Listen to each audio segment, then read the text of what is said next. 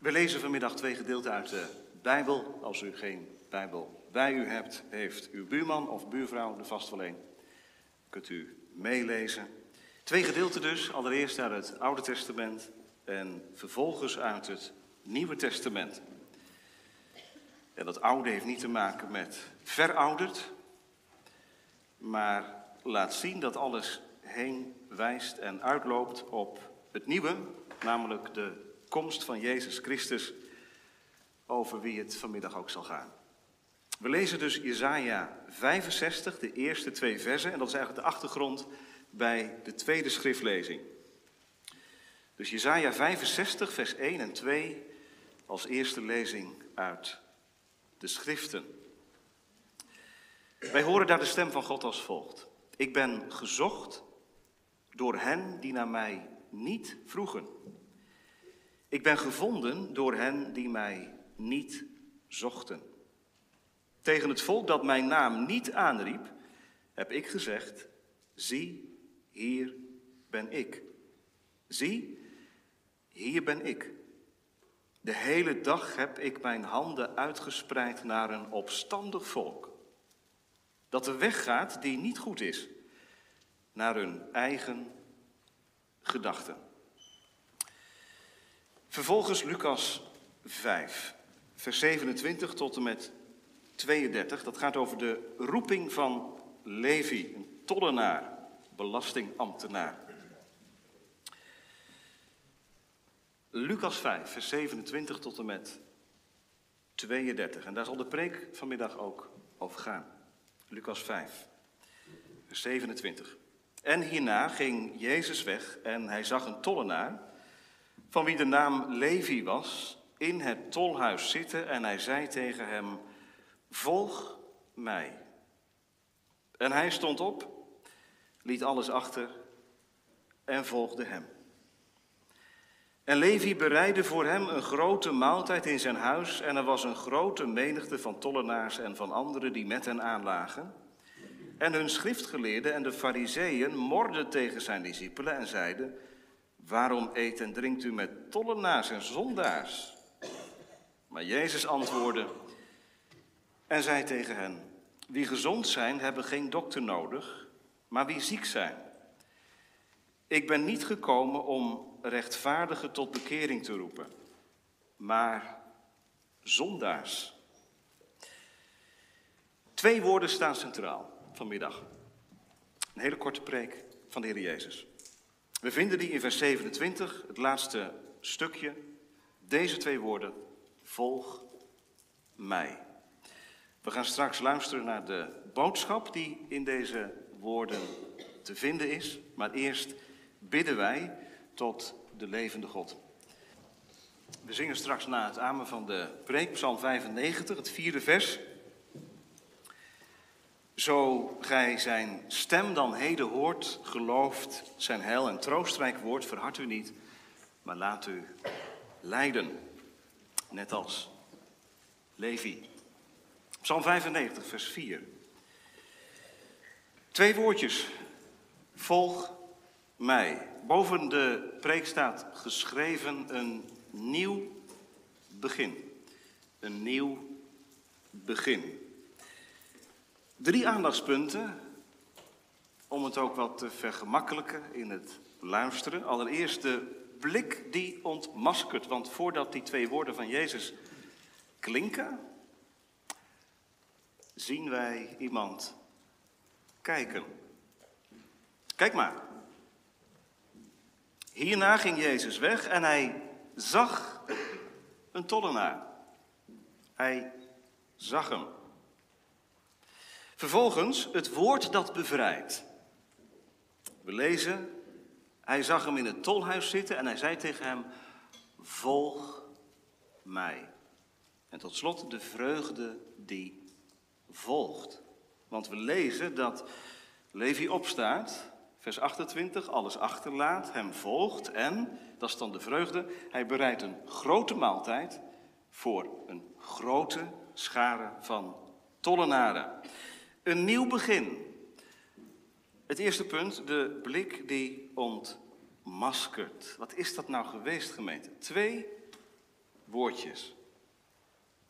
Geen lange preek.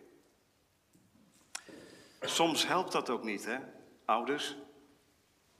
Als je je kinderen echt iets wilt duidelijk maken of je wilt iets gedaan krijgen van je kinderen, kun je soms maar beter gewoon recht toe, recht aan, heel kort zeggen waar het op staat, in plaats van een heel lang betoog geven. Het gaat verloren uiteindelijk. De heer Jezus heeft aan twee woorden genoeg om in het leven van iemand binnen te komen en een compleet nieuw begin te maken. Wat is dat toch? Hoe krijgt hij dat voor elkaar, om zo te zeggen? Nou, het geheim zit in de pericoop die we samen gelezen hebben. Jezus wordt daar genoemd de dokter, of beter gezegd, hij noemt zichzelf de dokter. Kijkt u maar mee in uw Bijbel, vers 31. Daar lezen wij, wie gezond zijn, hebben geen dokter nodig, maar die ziek zijn. Dus Jezus ziet zichzelf als een dokter, kinderen, als een arts. En wat doet een dokter? Ja, je kunt zeggen, die geeft antwoord op vragen. Als je zit met pijn of met klachten en je gaat naar de dokter toe, dan beantwoordt de dokter de vragen zo goed als het gaat. Ja, maar een dokter doet ook meer. Een dokter signaleert, ziet soms meer dan jij denkt en dan jij doorhebt. Daar is hij dan ook dokter voor. Hij heeft een voorsprong qua kennis en inzicht. En dat komt ons goed van pas. Je moet er niet aan denken dat er iets in je lichaam huist wat er niet hoort. En die dokter signaleert dat niet. Ja, dat komt natuurlijk voor, u weet dat net zo goed als ik.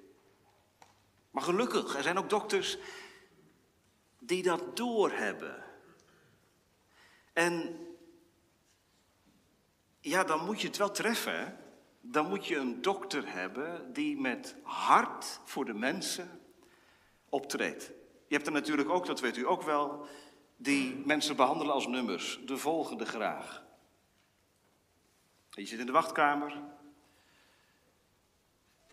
Je wordt opgeroepen en na vijf minuten sta je weer buiten en je denkt, ja, heeft die man nou mij echt gehoord, gezien? Maar gelukkig, ze zijn er. Mensen met passie, met hart voor het vak.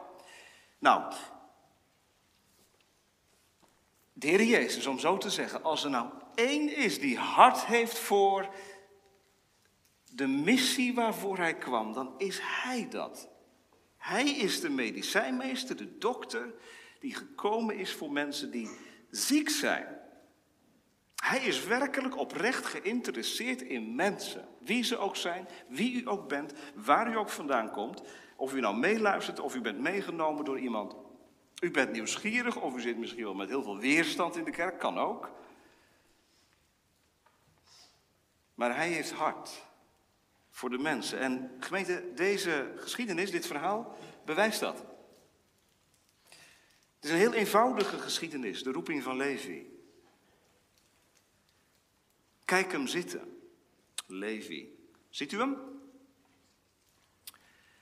Als je goed naar zijn gezicht kijkt, dan ziet hij er niet gelukkig uit.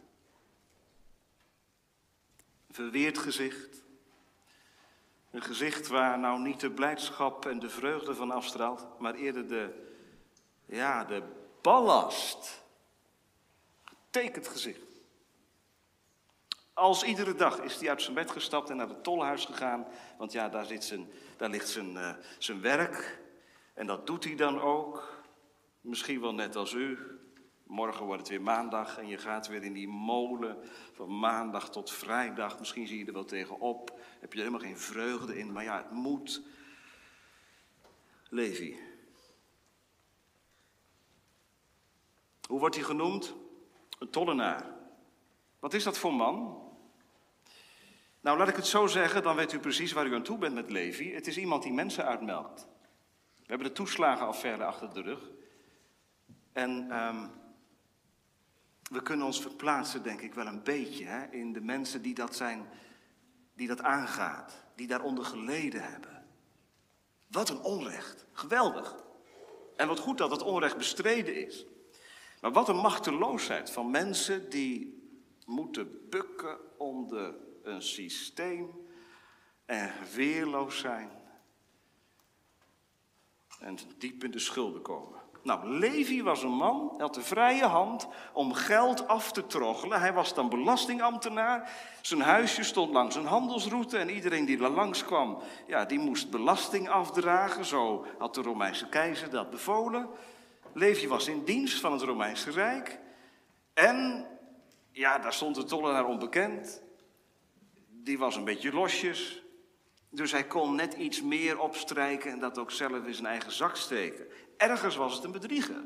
Een man die je liever niet tegenkwam in het dagelijks leven. Een man met wie je liever niet samen gezien wilde worden. Je ging met een grote boog om zo'n tollenaar heen. Dat is één perspectief. Er is nog een perspectief. En dat vindt u in Marcus, waar deze geschiedenis ook staat. Daar wordt hij de zoon van Alfeus genoemd. Levi is waarschijnlijk een van de Levieten geweest. Eén uit de stam van Levi. Wat betekent dat? Nou, de stam van Levi werd onderhouden door de andere stammen van Israël. Ze leefden van de tienden die de andere stammen van Israël vrijwillig afdroegen om de stam van Levi te ontzien. Zij dienden als priester en ze hoefden geen financiële zorgen te hebben.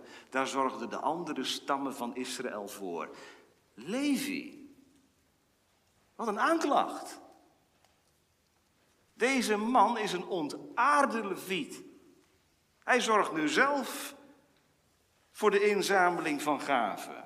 Hij leeft niet van anderen, wat vrijwillig gegeven wordt, maar hij steelt, hij ontvreemdt. Het is gewoon een wetsbreker. Dat is Levi. Maar kijk nou eens mee in je Bijbel. Dat is zo mooi, die Bijbel is zo schitterend gemeten. Het perspectief valt uiteindelijk niet op Levi. Maar kijk eens in vers 27. Die tekst is geschreven vanuit het perspectief van de Heer Jezus. Hierna ging Jezus weg en hij zag een tollenaar, van wie de naam Levi was, in het tolhuis zitten. En hij zei tegen hem, volg mij. En vervolgens draait het perspectief en lezen wij in vers 28 over Levi. Maar eerst over Jezus.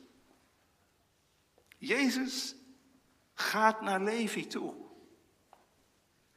Denk maar niet dat Levi ooit naar Jezus toe was gekomen. Je had ze wel, tollenaren en zondaren, die naar Jezus toe kwamen. Twee hoofdstukken hiervoor, in Lucas 3, lezen we dat. Maar Levi zit gewoon in zijn tolhuis. Hij hoort bij de mensen die Jezaja 65 als volgt beschrijft. Mensen die naar mij niet vragen. Mensen die naar mij niet zoeken. Ben je ook zo iemand? Niet op zoek. Geen vraag. En de Heer Jezus laat zich daar niet door tegenhouden, gemeente. Waarom niet? Omdat hij dokter is.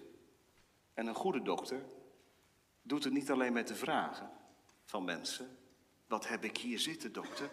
Kunt u eens kijken, ik heb zo'n pijn. Maar een goede dokter, die treedt op. Die doorziet mensen. En dat is nou precies wat hier gebeurt. Ja, u ziet in uw Bijbel het woordje zien staan. Maar ik ga u vertellen dat er in het Grieks een woordje staat wat, wat heel bijzonder is. En wat niet zomaar zien betekent zoals wij elkaar vanmiddag zien. Maar het is het zien van het doorgronden. Je hebt iemand door. Je weet precies hoe die ander in elkaar zit. Dat woordje zien wordt hier gebruikt. Theomai doorgronden, kennen. Jezus scant en screent niet, dat doen wij en we doen het veel te veel. Maar hij peilt en hij weegt het leven van Levi. Hij ziet niet zomaar een mens, hij ziet een tollenaar en hij ziet die tollenaar vastzitten in dat tolhuis. Hij zit in het tolhuis en er zit ook geen beweging in die man. Dit is gewoon zijn leven. Hij leeft van het geld. Hij leeft voor de zaak. Hij leeft zijn leven. Van de een in de andere dag. Een grijs bestaan. Ik denk dat er weinig vreugde te beleven viel in het bestaan van Levi. Jezus noemt hem zelfs zondaar. Nou, is nogal wat, hè? Zondaar. Staat in vers 32. Tollenaar, zondaar. Dat betekent, Levi loopt zijn doel mis. Levi, hiervoor ben je niet op aarde, man. Zo heb ik je niet geschapen. Je hebt een gat in je ziel. En dat gat wordt niet vol, maar dat wordt alleen maar leger. En dat geld, dat helpt je niet. Levi, de tollenaar, in het tolhuis. En Jezus ziet hem. Is dat nog steeds zo, zegt iemand? Ja, dat is nog steeds zo. Weet u waarom er hier een kerk is? Waarom er hier een gemeente is? Waarom hier dienaren van God eh, het woord verkondigen? Dat is omdat er een zaligmaker is, de Heer Jezus, die dokter wil zijn van onze ziel. Wat is onze ziel? Dat is onze binnenkant, onze identiteit, ons diepste innerlijk, wie je echt bent. Hij buigt zich erover heen en hij zoekt je precies op waar je bent, vanmiddag ook. Dat doet hij. Christelijk geloof is niet, u moet de eerste stap zetten. En dan, wie weet, volgt er iets op. Maar weet je wat het geheim van het christelijk geloof is? Dat hij de eerste stap zet. Die beslissende eerste stap. Ik ben niet gekomen om rechtvaardigen tot bekering te roepen. Dat zijn mensen die zich al een beetje hebben opgeknapt. Maar ik ben gekomen om zondaren tot bekering te roepen. Kinderen zullen afspreken dat we deze tekst uit het hoofd leren deze week. Willen jullie dat doen? Deze tekst.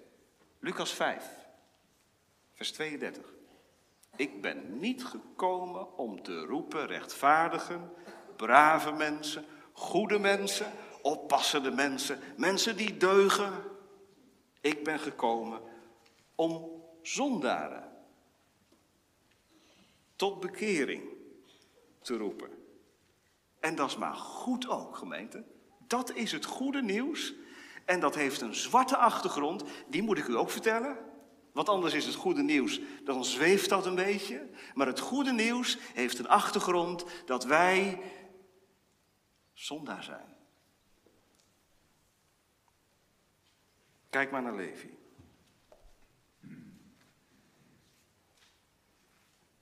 Levi leeft voor zichzelf. Geen oog voor Jezus. En Jezus ziet hem. Is het nou echt zo erg met de mens, zegt iemand? Er is een gedicht van Gerrit Achterberg, waar de mens vergeleken wordt met oud roest. Oud roest. Ik herinner mij uit mijn kindertijd in Wezep dat er twee keer per jaar een uh, koopman in oud ijzer langskwam. En die reed dan met zijn wagentje langs en die stopte als je oud ijzer aan de kant van de weg legde. Nou, die man was er blij mee en wij natuurlijk ook, want dan was je af van je rommel. En die man, ja, die verdiende daar iets aan. Oude rommel, waardeloos. Wegwerpmateriaal. Maar die man zag er wat in. Ik heb me daar altijd over verbaasd. Wie ziet er nou wat in die oude rommel? Snap jij dat nou? Dat gedicht, Gerrit Achterberg. Oud roest. Dat is natuurlijk niet zo mooi, niet zo fraai. Maar hij gebruikt die dat beeld in een bepaald verband. Hij zegt, Christus, Jezus, is een koopman in oud roest. Hij ziet er iets in. Hij kan er iets mee. Hij wil er ook wat mee. Hij gooit het niet weg. Maar hij zoekt het op. Dat is nou zijn, zijn missie, mag ik het zo zeggen? Daarvoor kwam hij naar deze wereld, 2000 jaar geleden, als een koopman in oud roest, om dat bestaan van mij, dat leven van mij, wat, wat zo los van God is. En daarom ook zonder hoop en zonder uitzicht en zonder toekomst, om dat op te zoeken, om dat te zien.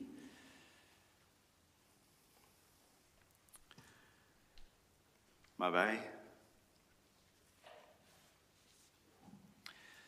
Iemand zei: Wij zijn diepvriesmensen. Wij zitten vastgevroren, er zit geen beweging in. Wat moet er toch gebeuren? Vraag je je dat ook af? Er zitten vast mensen hier die, die zich wel eens afvragen: ja, een nieuw begin, is dat voor mij mogelijk? Ik zou wel opnieuw willen beginnen, een nieuw hoofdstuk in mijn leven willen beginnen. Gewoon heel veel hoofdstukken weg willen duwen en dan opnieuw beginnen. Want het verleden. Nou, dan heb ik vanmiddag een boodschap voor u, voor jou. Als jij nou die persoon bent, hè, die zegt, die hoofdstukken in mijn leven, als ik daar doorheen blader, ja, het is eigenlijk doffe ellende. Het is leeg. Er zit zo weinig zin en diepgang in. Dan is er vanmiddag hier in het gewaad van zijn woord, dus door de verkondiging, iemand die rondkijkt en niet scant, maar ziet, peilt, weegt. God is niet de God van de afstand, maar van de nabijheid. Hij komt het tolhuis als het ware binnen. Hij zoekt je op precies in jouw habitat, waar jij mee bezig bent. Als jongen van 16. Waar ben je mee bezig? Nou, daar komt hij. Hij zegt niet, nou moet je eerst maar eens naar mij komen en dan kunnen we misschien zaken doen. Hij komt daar waar ik verstrikt ben in, nou waar zit je in verstrikt? Waar zit je in gevangen? Misschien wel in hele slechte dingen. Of, ja dat kan natuurlijk ook hè, workaholic. Leven is werken. Ja, en als je sterft dan? Hebben we gehoord, hè? 35 jaar. De draad van je leven doorgeknipt. En al die idealen en dromen die je had zijn vervluchtigd, die zijn gewoon weg. Ik ben zo blij, gemeente, dat er, dat er een Bijbel is. En dat er een God is die zich inlaat met mensen zoals Levi. Die handig met geld kunnen omgaan. Die heel goed weten hoe je een beetje rijker kunt worden. Maar die geen zicht hebben op een toekomst. Jezus ziet hem. O, die blik. Die blik van Jezus. Heeft hij jou gevangen vanmiddag? Voel je aangesproken?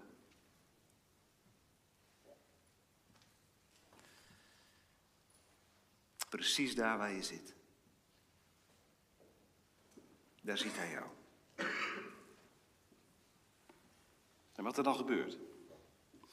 Nou, kijk maar eens naar de schilderij van Hendrik ter Brugge.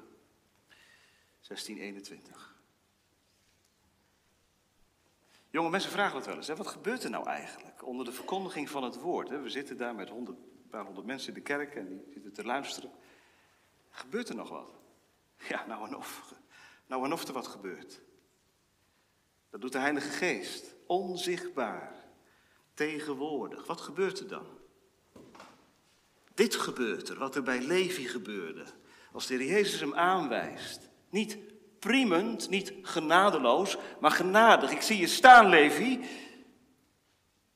En dan gaat hij spreken. Volg mij. En dan zie je Levi verbaasd kijken. Bedoelt u mij? Gaat dit over mij? Ben ik het? Moet ik luisteren? Zo komt God vandaag levens van mensen binnen, gemeente. Echt waar. Misschien ben jij die persoon wel. Die dat uit ervaring weet. Ik vroeg niet naar hem. Ik hoorde ook bij die Jezaja 65 mensen.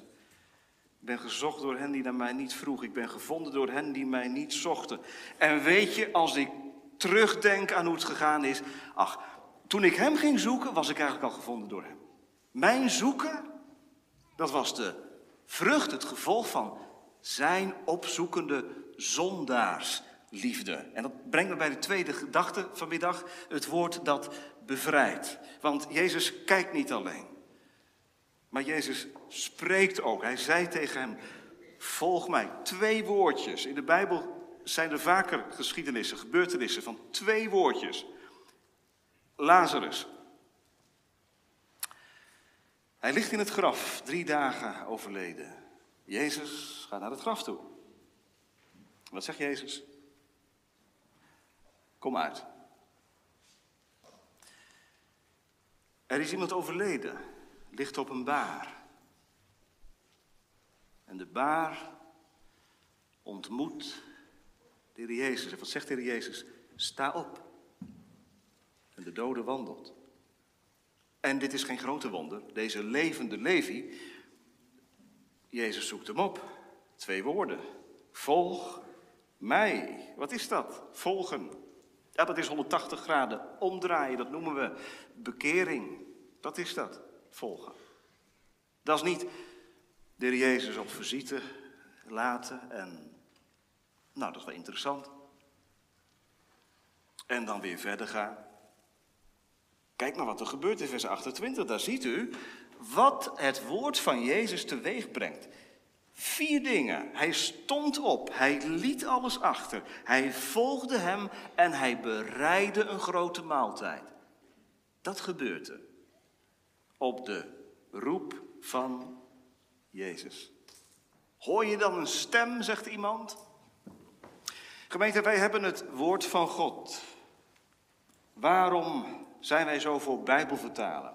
Waarom vinden we het belangrijk dat Bijbels verspreid worden?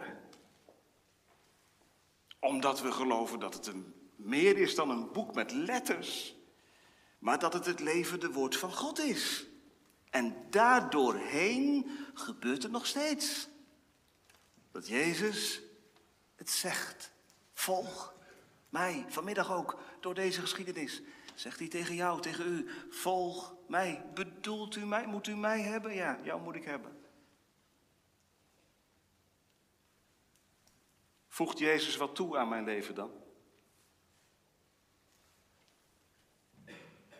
Nou, meer dan dat. Hij wil de regie overnemen. Hij wil je van genade laten leven. Als ik het leven over zou kunnen doen, wat zou u dan doen? Dan zou ik dat niet gedaan hebben, dan zou ik die afslag niet genomen hebben. Dan zou ik die vergissing niet begaan zijn. Gemeente vanmiddag is er de gelegenheid om opnieuw te beginnen. En dat is geen keuze die ik maak, maar dat is het gevolg van de roepstem van de Heer Jezus. Volg mij. Volg mij. Dat klinkt uitnodigend, tegelijk is het ook bevelend. Er zit ook iets van bevel in, van volmacht. Volg mij, Levi. Ja, wat betekent dat dan? Jezus volgen? Nou, voor Levi betekent het in ieder geval dat hij de deur van het tolhuis dicht doet, onbewoonbaar verklaart. En dat hij vanaf dat moment volgeling, leerling van Jezus Christus wordt. Heel radicaal. Betekent dat dan, zegt iemand, dat ik ook mijn werk moet opgeven? Moet ik dan evangelist worden of, of dominee? Wat is volgen? Dat is Hem het voor het zeggen laten krijgen. Hij stond op, liet alles achter en volgde hem. Ja, daar zit iets heel radicaals in, dat je dingen achter je laat die je tot op vandaag bezighouden en die dat navolgen in de weg staan. Dat kan, hè? Voor Levi was dat het geld wellicht, zijn uh, arbeidzame leven. Hij liet het achter. Wat is dat voor u? Voor jou, voor mij? Wat is nou dat, dat punt wat ik vasthoud, die dingen die ik vasthoud in mijn leven, die ervoor zorgen dat het niet komt van dat navolgen? Want, gemeente, de navolging, dat is niet iets wat de Heer Jezus voor ons doet. Levi volgt hem. Ik zet mijn treden in uw spoor. Ja, maar dat kun je toch niet? Ja, maar als hij je roept, dan brengt hij ook alles mee. Kijk maar. Hij geeft de, de genade, de kracht om op te staan, om al die jaren van tollenaar zijn af te leggen en hem te volgen. Voor Levi is dat letterlijk volgen geweest, geworden. Matthäus, de tollenaar. Levi, de tollenaar. Kijk, als wij deze geschiedenis op de snijtafel van ons denken gaan leggen, ja, dan raken we verstrikt en dan zeggen we, ja, hoe kan het nou, hè? Er zou toch eerst dit of dat moeten gebeuren voordat. Isaiah 65, hè, wat stond er ook alweer? Ik ben gezocht door hen die naar mij niet vroegen. Ik ben gevonden door hen die mij niet zochten. Tegen het volk dat mijn naam niet aanriep, heb ik gezegd: Zie, hier ben ik. Zie, hier ben ik. Wat is volgen, gemeente? Dat is de Jezus in het oog krijgen. Zijn werk. Zijn liefde. Zijn genade. Dat is volgen op die roepstem van Jezus Christus amen zeggen. Heren, dat heb ik nodig. Want ik, zoals ik ben, ben ik zondaar. Ik ben ziek, want als u mij roept, dan ben ik ziek. Die gezond zijn hebben geen dokter nodig, maar wie ziek zijn. Moet je dan eerst weten dat je ziek bent? Levi wist niet dat hij ziek was. Maar Levi weet één ding wel. Dat er een dokter voor hem staat. Die meer ziet dan hij. Die hem doorziet.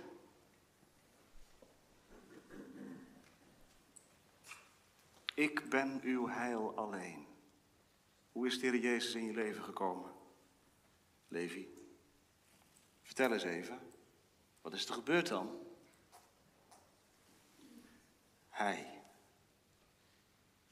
Hij. Wie? Jezus. Hij riep mij. Ik kon niet blijven zitten. Ik werd door een onzichtbare hand en door onzichtbare kracht uit mijn tolhuis getrokken, achter hem aan.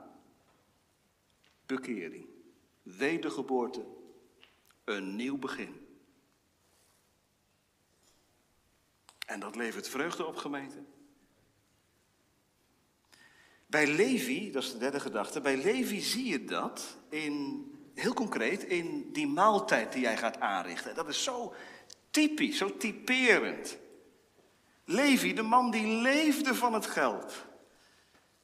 Die met zijn slimmigheidjes geld aftroggelde van anderen.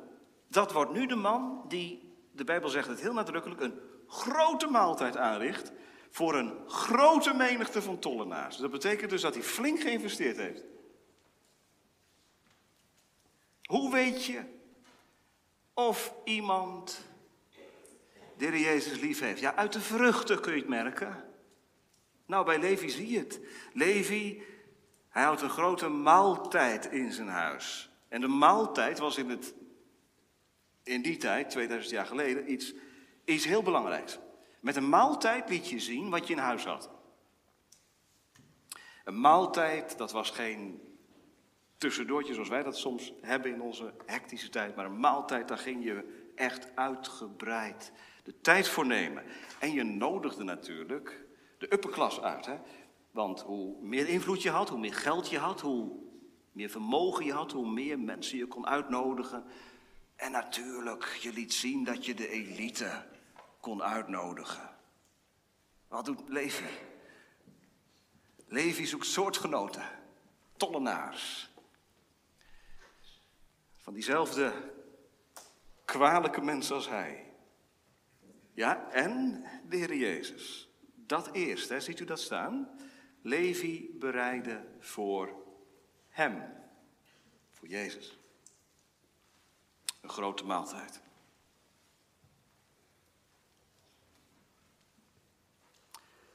De dokter mag komen en graag zoveel mogelijk patiënten. Hoe meer, hoe liever. Over missionair gesproken. Dan kan de hele wereld erbij. Heel Apeldoorn. De buurt rond de Victorkerk. Welkom. Patiënten. Ze hebben de medicijnmeester nodig en de Heer Jezus komt. Hij laat zich graag uitnodigen bij die maaltijd in het huis van Levi. Er wordt niet geselecteerd. Dat zijn wij in onze coronasamenleving gewend inmiddels. Er wordt geselecteerd bij de voordeur. Ben je gevaccineerd? Mag je komen? Niet? Testen. En anders geen plek voor jou. Levi zegt: Kom maar. Er is ruimte in mijn huis, omdat er ruimte in mijn hart gekomen is. Omdat de Heer Jezus mijn bestaan binnen is gewandeld. Het gaat zo gewoon, gemeente. Zo gewoon eigenlijk. En tegelijk is het zo schokkend. Het zet zijn leven op zijn kop. Wat doet de Jezus als hij de maaltijd bij Levi houdt? Dat is even belangrijk om te zien. Hij laat daarmee zien, bij mij zijn er geen afstandsregels. Ik ben niet gekomen om rechtvaardigen tot bekering te roepen, maar zondaren. Dus ik wil mij graag voegen in het gezelschap van onheiligen, van wettelozen, van onreinen, van de outcast. Gemeente, we gaan niet verloren omdat we te veel zonde hebben of te groot zondaar zijn. We gaan wel verloren omdat we menen Jezus niet nodig te hebben. Geen bekering nodig te hebben. Ik ben niet gekomen om rechtvaardigen tot bekering te roepen. Die hebben het niet nodig. En dat blijkt ook wel, hè? vers 30. De schriftgeleerden en de fariseeën, die vinden dit allemaal niets. Die gaan morren, murmureren. Het woord wat ook gebruikt wordt in het Oude Testament tijdens de woestijnreis van Israël. Het volk mort. Waarom doet God dit allemaal? En hier precies hetzelfde. Waarom eet en drinkt u met tollenaars en zondaren?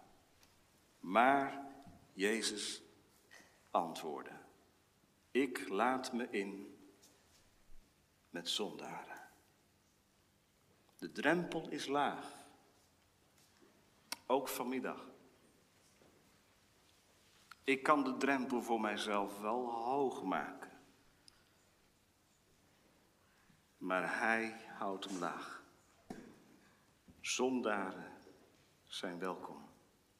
Ik kom daar waar leegte is. Heb je dat te bieden vanmiddag? Leegte? Niets?